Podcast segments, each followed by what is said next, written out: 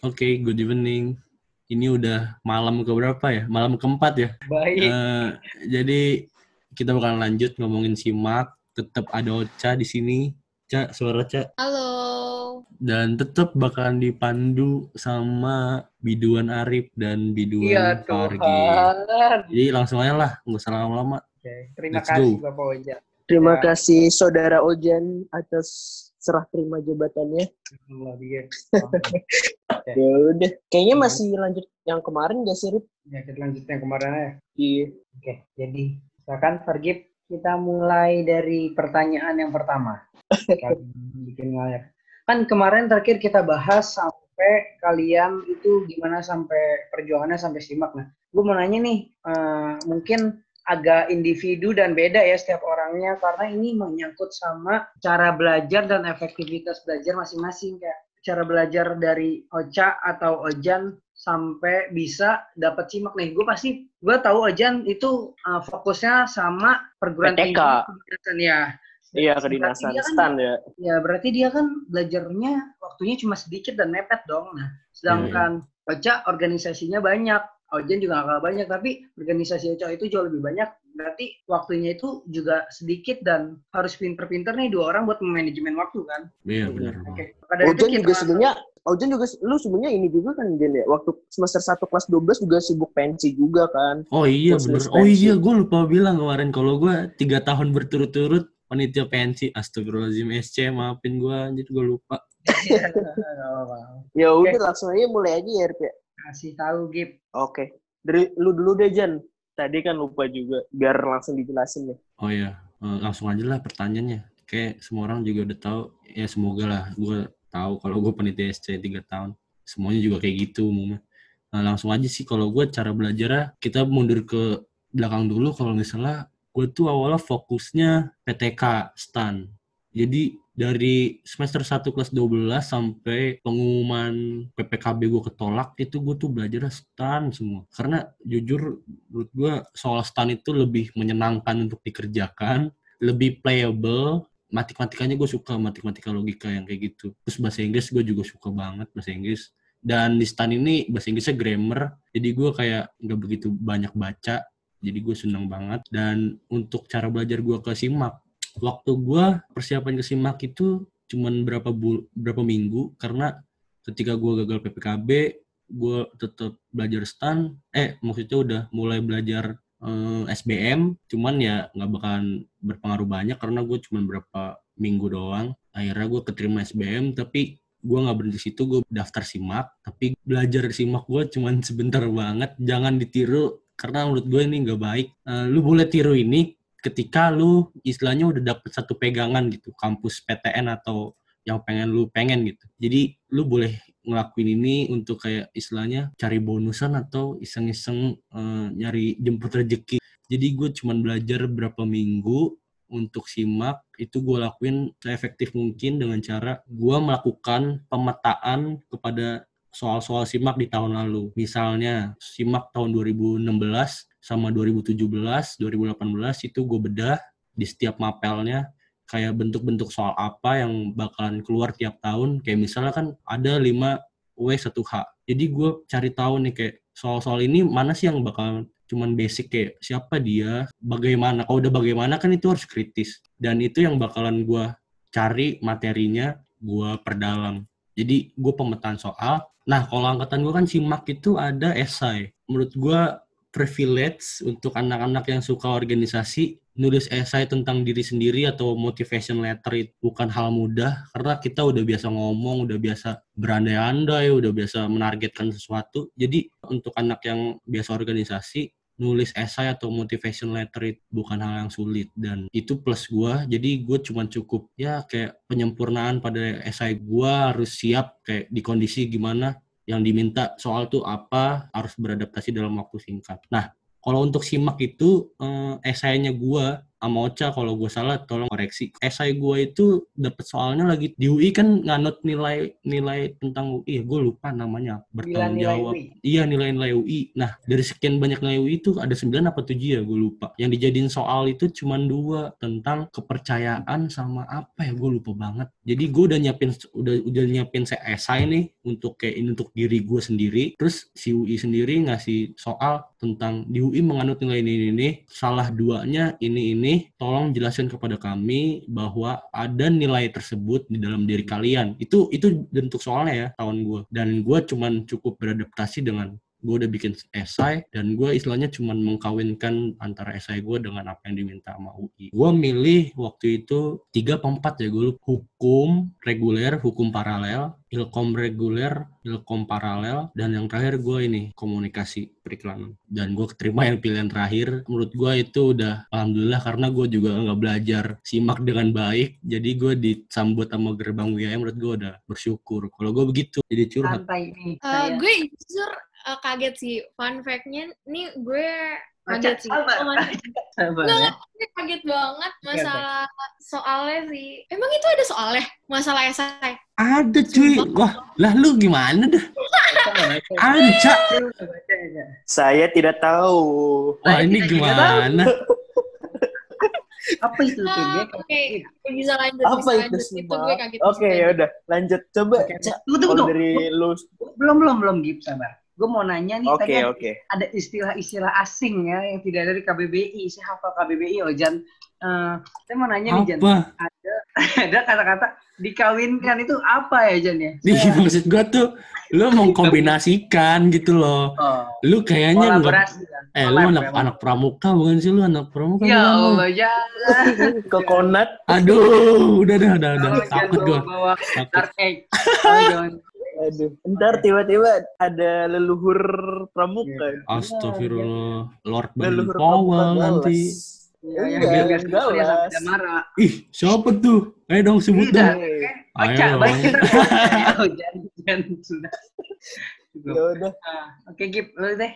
gue udah Kayaknya- mager. lanjut aja lah ya, coach ya. Nanti mau nanya-nanya lebih dalam lagi, kalau udah dua-duanya kali ya. Ya udah. Kalau dari lu sendiri gimana, Cak? Cara bagi waktunya, terus cara Gue ya, mungkin yang kayak Dan- tadi ditanya buat Ojan. Ya, dan Gimana? jam belajar, Cak. Jam belajar. Iya. Oh, ini susah sih. Masalah gue belajar waktu SMA itu gue jarang belajar jujur karena gue kebanyakan main, kebanyakan pergi. Cuman gue Stop. udah biasa. Gue pengen motong dulu bentar. Ini disclaimer ya. OC itu tadi udah bilang juga akademis di nomor sekian kan. Tapi fun fact-nya dia selalu juara 1, 2, 3 di kelas. Ya nggak, Cak? Itu rada bullshit ya kamu ya. Ngomong kosong ya. Iya ya. Lanjut, Hmm. Gimana ya? Ini gue belak-belakan aja deh. Kelas 11 tuh udah mulai kan gue belajar eh, SBM. Cuman, nah gue kenal sama dunia tuh dunia yang baru nih buat gue. Gue kenal sama, istilahnya iya gue to the point, gue kenal sama dunia-dunia malam Lain. segala macam. Oh. Ya dunia malam, ya. Set, gue dunia lain hantu dong. gue kenal sama dunia malam. Nah, di waktu ini jam belajar gue udah mulai goncang tuh, udah mulai wah, udah nggak karuan. Terus, tapi gue eh, keluarga gue tetap eh, eh, keluarga yang lo nakal boleh, lo boleh banget nakal, tapi lo nggak boleh bego. Nah, di situ gue diajarin bener-bener sebelum gue pergi ke tempat hiburan malam, misalnya buat uh, pergi dengan keluarga gue gitu, gue uh, belajar, gue belajar, gue ngerjain tugas, ngapain lah gue belajar, beneran belajar. Bahkan gue membiasakan diri untuk walaupun gue tidak sadar apa pun, gue harus bisa belajar dan gue harus bisa nangkep di apa yang dipelajarin. Nah itu gue itu gue belajar, gue dan gue tipikal orang yang belajar dengan catatan. Itu uh, poin plus banget buat orang yang kayak gue. Jadi gue sambil sambil ngapain aja dan ini plusnya organisasi yang udah membiasakan gue untuk multitasking. Jadi gue bisa sambil uh, ya bersenang-senang gue masih tetap masih bisa belajar Dan kadang-kadang juga kalau di kelas 12 sendiri gue misalnya gue habis pergi malam, tetap paginya gue harus bangun, gue paksa diri gue buat bangun, at least jam 5 gue bangun, gue belajar, gue baca-baca. Di kelas kalau misalnya jam kosong gue nggak tidur, gue walaupun malamnya nih nggak tidur gue, gue tetap harus sadar dengan kehangoveran gue, gue harus tetap bisa belajar dan itu yang pelan-pelan bikin gue apa ya? Dan uh, keluarga gue emang oke okay sama minuman beralkohol dan gue terbiasa dari kelas 11 kalau gue mau belajar gue emang mengkonsumsi minuman beralkohol biar doping aja sebenarnya. Terus uh, gue belajar itu bisa setelah kelas 12, setelah kelas 11 gue belajar tuh jam belajar gue mulai gue mulai fokus. Gue berhenti minum minum berhenti pergi-pergi ke tempat-tempat hiburan malam. Gue bener-bener fokus belajar. Jam belajar gue itu sekitar untuk kelas 12 jam berapa ya? Waktu awal-awal tuh semester awal tuh nggak terlalu ekstrim. Yang ekstrim itu mulai setelah retret gue itu bisa sampai bener-bener dari jam misalnya gue tidur jam 6 sore. Misalnya gue pulang sekolah nih jam 3. Jam 3 itu gue bisa, gue les di, adalah salah satu tempat, pulang jam 10. Nah, itu gue belajar lagi sampai pagi. Kadang-kadang jam 1, kadang-kadang jam 2. Bisa juga sampai jam 6 pagi, gue nggak tidur, gue mandi, mandi gue ke sekolah itu sih dan gue belajar terus kelas 12 terus selama liburan ini ini yang bikin gue sebenarnya agak nyesel sih waktu waktu gue breakdown ini yang bikin gue makin sedih karena gue ditawarin pilihannya gue uh, gue nggak belajar untuk masuk UI atau gue uh, keluar negeri. Keluarga gue semuanya pergi ke luar negeri dan gue ditinggal sendiri di rumah. Terus akhirnya gue belajar di situ karena gue sendirian juga gue belajar skit gue bisa bilang gue belajar itu bisa 14 jam sehari, bahkan lebih, bahkan bisa sampai 20 jam sehari dan gue cuma tidur 4 jam, itu sering banget di kelas 12. Terus apalagi setelah gue ketolak, ini jam belajar gue terus-terus naik, apalagi setelah gue ketolak hmm, ketolak SNM sama PPKB, gue udah nggak pernah masuk sekolah lagi itu bener-bener gue nggak pernah masuk sekolah. Gue mutusin buat nggak sekolah dan gue beneran fokus untuk belajar uh, eh, SBMPTN mungkin seharinya ya kayak yang gue bilang gue itu dari Z belum gue belum pakai Zenus gue pakai Cerebum saat itu sama pakai buku pink sama buku les juga itu gue pelajarin. Buku les gue tuh uh, yang tipikal soal-soal dan itu ada ribuan soal. Bahkan gue merasa buku itu seperti game GTA gue tamatin buku itu. Uh, dua mungkin ada seribu soal gue tamatin uh, dalam waktu tiga bulan. Itu bener-bener gue nggak pernah uh, gue tidur paling lama dua jam apa tiga jam paling lama. Itu bener-bener nggak nggak stop. Gue juga SN uh, US UN gue bener-bener nggak belajarin. Gue cuma kayak datang aja yang penting gue ngisi bodo amat. Pas gue ngerasa kayak ya udahlah lulus juga. Terus setelah itu waktu kan waktunya agak luang tuh. Nah gue, gue bisa biasanya tuh gue diskusi gue ngumpul sama teman-teman gue terus kita diskusiin masalah misalnya matematika kita belajar bareng matematika minta diajarin terus gue biasanya ngumpul di rumah temen gue uh, anak IPA namanya Idat ngumpul di situ kita belajar tapi itu pun jarang. Gue lebih banyak belajar sendiri di kamar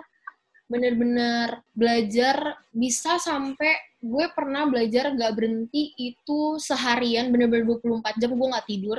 Gue beneran belajar terus karena gue ngerasa jam belajar gue itu udah kacau banget pak tapi gue gue gembleng terus tuh. Kadang-kadang cuma tidur 2 jam 3 jam sampai UTBK UTBK setelah UTBK menunggu hasil waktu jadi gini waktu UTBK ke SBM itu ada seminggu deh kayaknya uh, tentang waktunya seminggu tentang waktunya itu gue nggak ngapa-ngapain gue nonton Netflix doang. Nah setelah sebenarnya setelah UTBK itu tuh gue emang udah jarang belajar cuman pas gue ketolak SBM kan itu uh, sebelum itu satu bulan tuh. Nah itu dia, itu gue bener-bener gue ngegembleng pakai Zenius, gue belajar, uh, gue belajarnya tapi cuma geografi karena gue ngerasa gue kurangnya cuma di geografi sama bahasa. Jadi gue belajar geografi sama bahasa. Di situ gue pelajarin materi-materinya. Terus ini gue zero, di waktu gue belajar uh, ini gue pelajarin semua. Gue lebih tipikal orang yang ngerjain soal dan gue bahas gue bikin pembahasannya. Kayak gue bikin pembahasannya selain gue bikin catatan dan gue orangnya nggak suka baca kan. Bukan nggak suka baca sih. Kayak kalau gue udah nulis ya gue udah males lagi untuk baca. Jadi gue uh, gue nulis terus gue nulis uh, gue kerjain soalnya. Banyak banget soal Zenius semuanya gue kerjain dari 2005 kalau ada 2005 2007 gue kerjain semua. Gue bikin kayak anak inten tuh gue gunting-gunting terus gue bikin pembahasannya terus apalagi ya? Waktu tapi sebenarnya kalau kita fokus ke simaknya, gue nggak belajar apa-apa pas simak. Seminggu sebelum simak itu kan utul. Gue lebih belajar mampus-mampusan itu di utul karena gue belajar TPS segala macem itu gue belajar belajarin tuh justru simak gue bener-bener lost control gitu karena gue juga ngerasa sebenarnya waktu itu gue ambisius banget buat masuk karena rektor UGM sendiri, eh dekan dekan Eva-nya di UGM itu sahabatnya tante gue. Dan tante gue udah ngeliat kan gue udah mampus-mampusan kayak gitu akhirnya dia udah ngomong sama temennya. Kayak udah istilahnya gue udah lewat jalur belakang lah UGM cuman mungkin Tuhan maunya gue murni kali ya. Terus disimak nih beneran gue udah ya jadi gue udah yakin banget bakalan dapet UGM makanya gue nggak belajar lagi simak dan ini nggak boleh ditiru sebenarnya ini nggak boleh ditiru karena apa ya ini sesuatu yang kurang oke okay lah untuk ditiru. Terus gue di sebel, seminggu sebelum simak tuh kerjaan gue tiduran, nonton Netflix. Sehari sebelum simak juga gue nonton Netflix. Cuman emang mungkin karena gue sebelum-sebelumnya udah belajar uh, sekeras itu, di gue waktu sebelum simak jadi otak gue agak tenang gitu loh karena gue nggak belajar lagi gue nggak bener-bener nggak pernah ngulang-ulang lagi. Terus juga uh, sebelum simak bahkan itu gue bener-bener lupa gue bener-bener lupa bawa kotak pensil uh, kartu peserta gue nggak bawa gue nggak print itu yang nggak printin temen gue mantan gue sih sebenarnya terus uh, segala macam itu dan gue nggak preparation banget yang namanya esai. Makanya gue baru tahu tadi esai ada soalnya. Karena di esai gue itu tuh bener-bener gue gue isinya tuh gue curhat gue curhat gue bilang gue gue gue ngasih tulisan gimana gue mau masuk hukum tuh nggak nggak cuma pengen gue jadi jadi lawyer dan jadi kaya. Gue nggak nggak nggak ngejar masalah materi. Karena gue ngejarnya gue cerita dulu kenapa gue mau masuk gue mau jadi pengacara kenapa?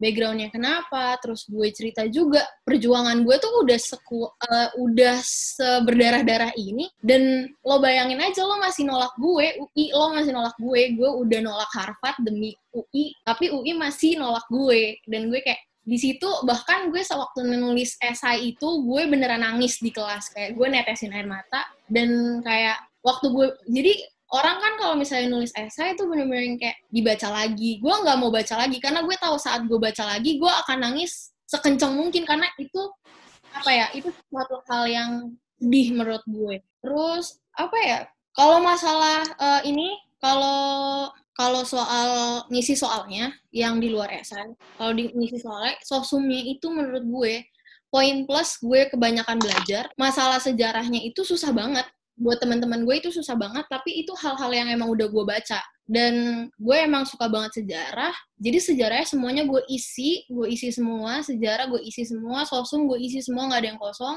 Bahasa tuh gue ngosongin tiga atau empat soal karena ada yang agak-agak aduh daripada gue salah nih minus mendingan gak usah deh nggak usah sekalian deh gue isi terus apa ya bahasa matematika gue cuma isi empat nomor. Karena matematika di gue membandingkan ya antara utul sama simak. Soal matematika di utul jauh lebih gampang daripada soal matematika simak. Dan mungkin karena gue nggak ada gue nggak prepare sama sekali kali ya uh, masalah simak ini. Jadi gue ngerasa kayak kok ini soal susah banget? Ini gue ngisinya gimana? Cuman yang uh, untung ekonominya justru ekonominya basic itu dan di tahun gue koreksi gue ya Jan kalau salah kalau gue ngelihat gue juga maksudnya gue udah ngerjain kan soal-soal simaknya di tahun-tahun sebelumnya, gue baru ngeliat soal simak tahun kita tuh sebenarnya uh, ini basic tapi dimainin kata-katanya aja, nggak iya, nggak yang nggak yang belibet kayak gimana banget hmm. sebenarnya. Kalau gue itu sih. Gimana Gip? Nangis nggak Gip? Nangis. Dari keduanya jelas banget sih. Ya. Yang oh, kalau misalkan iya, usaha tidak mengkhianati hasil. Ya. Kayaknya Ocha nggak asing tuh sama kata-kata itu ya, Cek. Ya. Iya. Iya. Soalnya LDKO dulu gue semua namanya pakai itu di belakangnya. Ya enggak? Ya. Di Nemtek. Iya, benar-benar. Dan terbukti kan sekarang. Tadi Ocha ngomong lu ditinggal keluarga dan lo di rumah sendiri, Cak. Iya.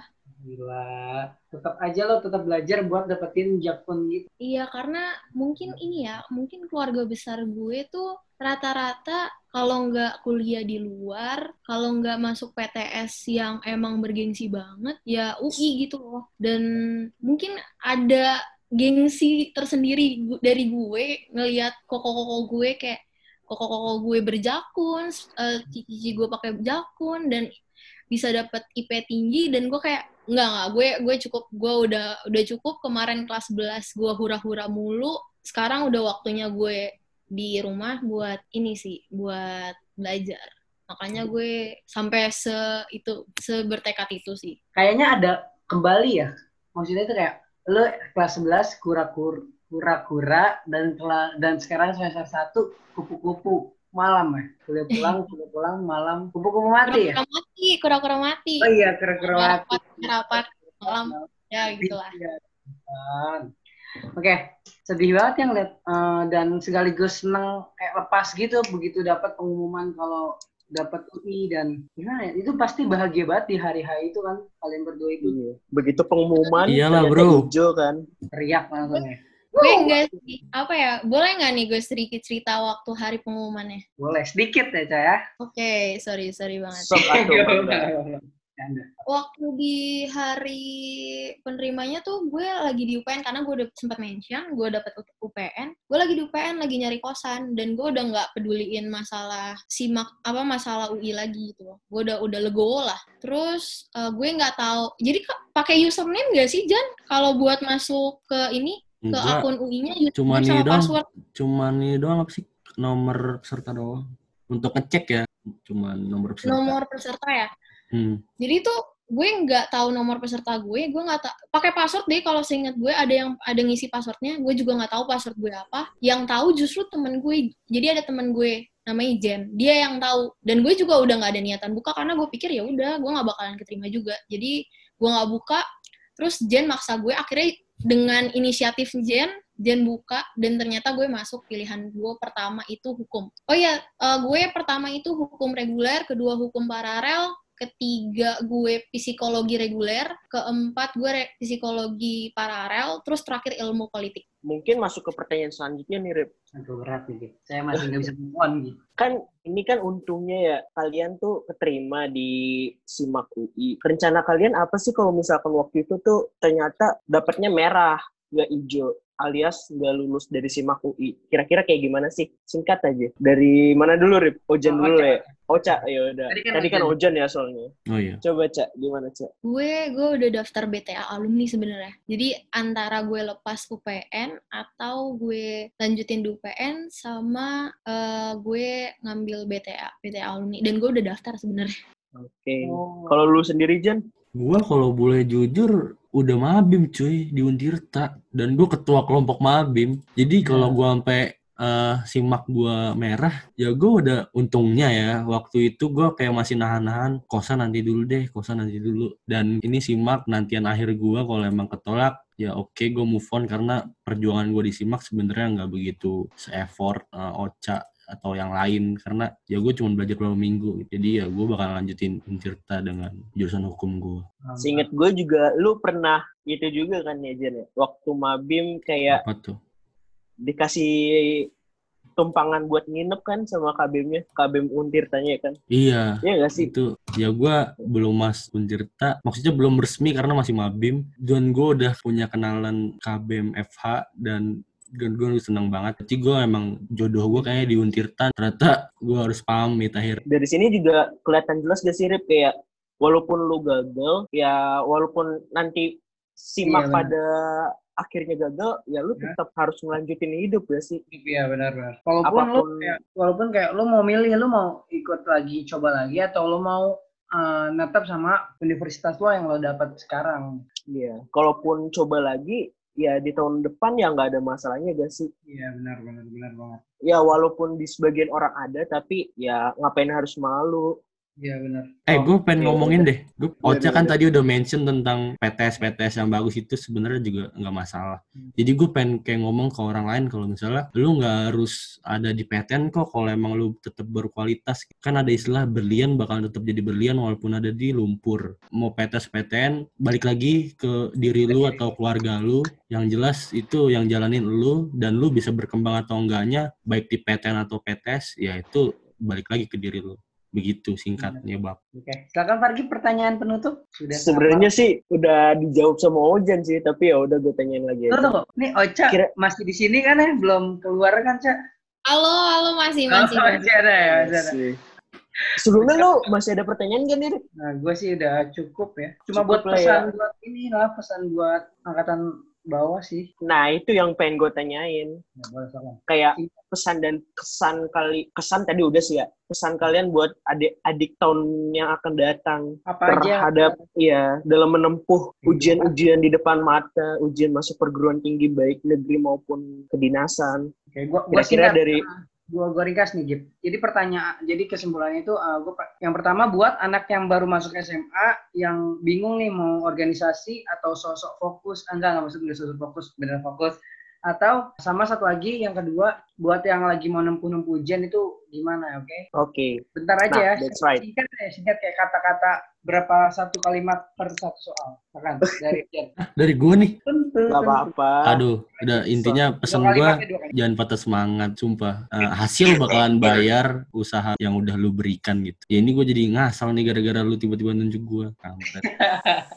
Tapi itu itu emang jawaban yang benar sih. Kalau lu Oke. sendiri, Cak, apa ya gue Iya, usaha tuh nggak akan mengkhianati hasil sih. Di mana pun lo berada, bakal lo bakalan tetap bagus kalau emang lo bagus. Cuman kalau gue sendiri, eh, kenapa gue sekekeh itu bukan masalah PTN PTS sih. Kalau gue masalah gue dari kecil emang udah pengen masuk EVA aja. Dan keinginan yang kuat itu yang akan ngedorong kalian mau kalian se-breakdown apa pun itu bakalan ngebangunin kalian kayak kalian nggak boleh nyerah sih kalau menurut gue. Dan oh ya, eh, teman gue pernah ngomong sama gue eh, saat kalian mulai nggak egois eh, sama apa yang kalian mau itu dan memberikan kesempatan orang lain untuk punya kesempatan yang sama kayak kalian itu berarti udah ada nilai plus kalian udah punya satu tabungan kalian ngutangin Tuhan karena ya bukan ngutangin Tuhan sih maksudnya kayak Tuhan pasti ngelihat mas eh, kalau kalian lebih kayak gue maksud maksud gue di sini tuh kayak misalnya nih kalian milih PTN gue bukan orang yang milih PTN itu ngambil aman gue mau misalnya gue mau UI ya gue masuk di UI aja gue milihnya UI aja gitu karena menurut gue eh, ada ribuan orang lain yang mungkin nggak bisa effort PTS ataupun nggak bisa eh, masuk ke PTN karena gue ngambil jatahnya mereka gitu kalau gue sih itu sih Oh, Oke, oke. Berarti intinya itu harus komitmen sama apa yang mau ambil ya. iya benar Cukup mungkin Gip ya. cukup banget ya sih. Kita kembalikan kepada yang punya podcast ya Gip ya. Silahkan, Bapak Ojan. Pak Ojan. So menurut gue ini kita obrolannya seru banget. gue pengen terima kasih banget buat Ocha yang udah mau digangguin sama kita bertiga. Tepuk tangan sama Mocha. Wuh. Sebenarnya masih banyak lagi gak sih Jan yang ya yang sebenarnya masih bisa digali. Banyak lah waktunya tapi nggak nggak cukup. Ini juga sebenarnya udah malam banget gak sih? Iya emang ini good evening beneran dan bakalan gue tutup dengan good night malam ini. Thank you banget Ocha, sukses buat lu di FH dan makasih kalian juga ya, ya semoga kita semua bakalan tetap kolaborasi sampai kapan pun lah ya. amin. Oke menurut gue nih selesai. That's it. Good night everyone. Bye. Bye everyone. Bye. Assalamualaikum. Ciao.